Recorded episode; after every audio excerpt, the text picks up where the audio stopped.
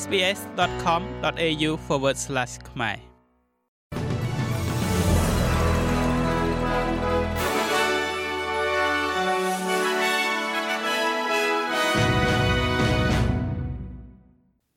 ចាសសូមស្វាគមន៍មកកាន់នេតិព័ត៌មានខ្លីៗរបស់ SBS ខ្មែរសម្រាប់ថ្ងៃច័ន្ទទី17ខែកក្កដាឆ្នាំ2023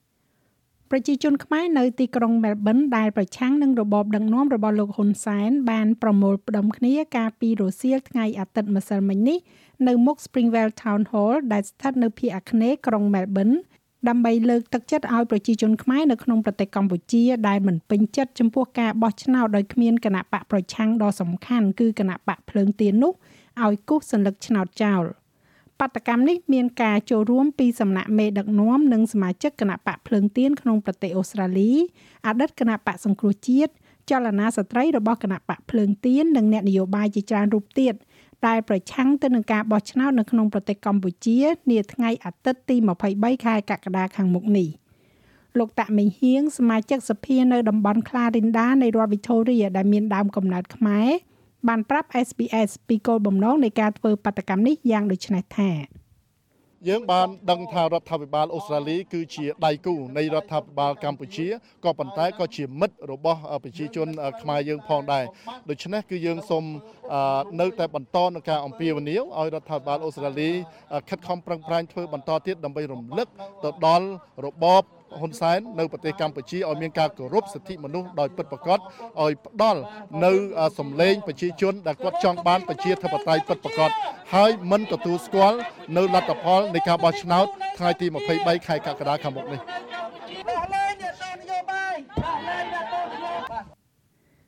ក្រុមហ៊ុនផ្ដល់ប្រឹក្សា Deloitte បានសារភាពថានិយោជិកម្នាក់បានបំពេញទៅលើពិធីការសម្ងាត់ដោយអចេតនា ដោយធ្វើការគ្រប់គ្រងព័ត៌មានរបស់រដ្ឋាភិបាលមិនបានត្រឹមត្រូវនាយកប្រតិបត្តិនៃក្រុមហ៊ុន Deloitte Australia បានប្រជុំមុខនឹងគណៈកម្មាធិការហិរញ្ញវត្ថុនិងរដ្ឋបាលសាធារណៈព្រឹទ្ធសភាដើម្បីឆ្លើយសំណួរជុំវិញការងាររបស់ពួកគេជាមួយរដ្ឋាភិបាលបន្ទាប់ពីមានរឿងអាស្រូវលេចធ្លាយពន្ធដាររបស់ PwC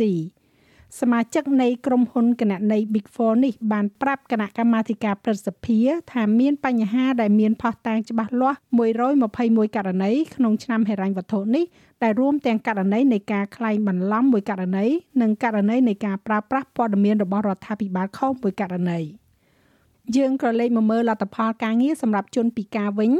ក្រុមប្រឹក្សាធុរកិច្ចនៃប្រទេសអូស្ត្រាលីបានអំពាវនាវឲ្យមានការកែលម្អលទ្ធផលការងារសម្រាប់ជនពិការ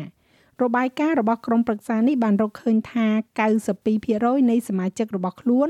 ចង់ជ្រើសរើសបុគ្គលិកដែលមានពិការភាពបន្ថែមទៀតសម្រាប់កម្លាំងពលកម្មរបស់ពួកគេវាក៏បង្ហាញផងដែរថាសមាជិកក្រុមប្រឹក្សាធុរកិច្ចត្រឹមតែ6%ប៉ុណ្ណោះដែលមានបុគ្គលិកពិការនៅថ្នាក់គ្រប់គ្រងជាន់ខ្ពស់ នាយកប្រតិបត្តិបណ្ដាញអូស្ត្រាលីស្ដីពីពិការភាពលោកស្រី Coren Strauss មានប្រសាសន៍ថាអាជីវកម្មជាច្រើនកំពុងបើកចំហនៅក្នុងការធ្វើឲ្យកន្លែងធ្វើការរបស់ពួកគេកាន់តែរួមបញ្ចូលប៉ុន្តែមិនដឹងថាត្រូវចាប់ផ្ដើមពីទីណានោះទេចុងក្រោយនេះពាក់ព័ន្ធជាមួយនឹងយុទ្ធនាការ Yes សម្រាប់ The Voice ដោយបានសហការគ្នានៅទូទាំងសភាយុទ្ធនាការ Yes សម្រាប់សម្លេងជនជាតិដើមភាគតិចទៅកាន់សភា គឺត្រូវប្រគល់ពាក្យពេចន៍អត្ថបទរបស់ខ្លួន សម្រាប់ខិត្តប័ណ្ណប្រជាមតិនេះហើយអ្នកគ្រប់គ្រង The Voice នឹងបញ្ជូនសំណុំរឿងរបស់ពួកគេទៅគណៈកម្មការបោះឆ្នោតអូស្ត្រាលីនៅថ្ងៃនេះសមាជិកប្រសិទ្ធិ Crossband ដែលបានបោះឆ្នោតគ្រប់គ្រងច្បាប់ The Voice នេះត្រូវបានផ្ដល់នៅសេចក្តីសង្ខេបដែលដឹកនាំដោយរដ្ឋមន្ត្រីជនជាតិដើមអូស្ត្រាលីលោកស្រី Linda Burney និងលោកអគ្គមេធាវី Mark Dreyfus លោកស្រី Bernie បានពិពណ៌នាអំពីដំណើរការនេះ ថាជាកិច្ចសហការហើយនិយាយថា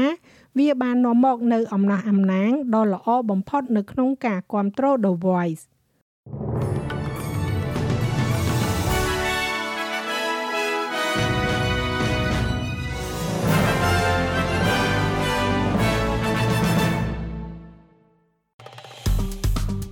ចុច like share comment និង follow SPS ខ្មែរនៅលើ Facebook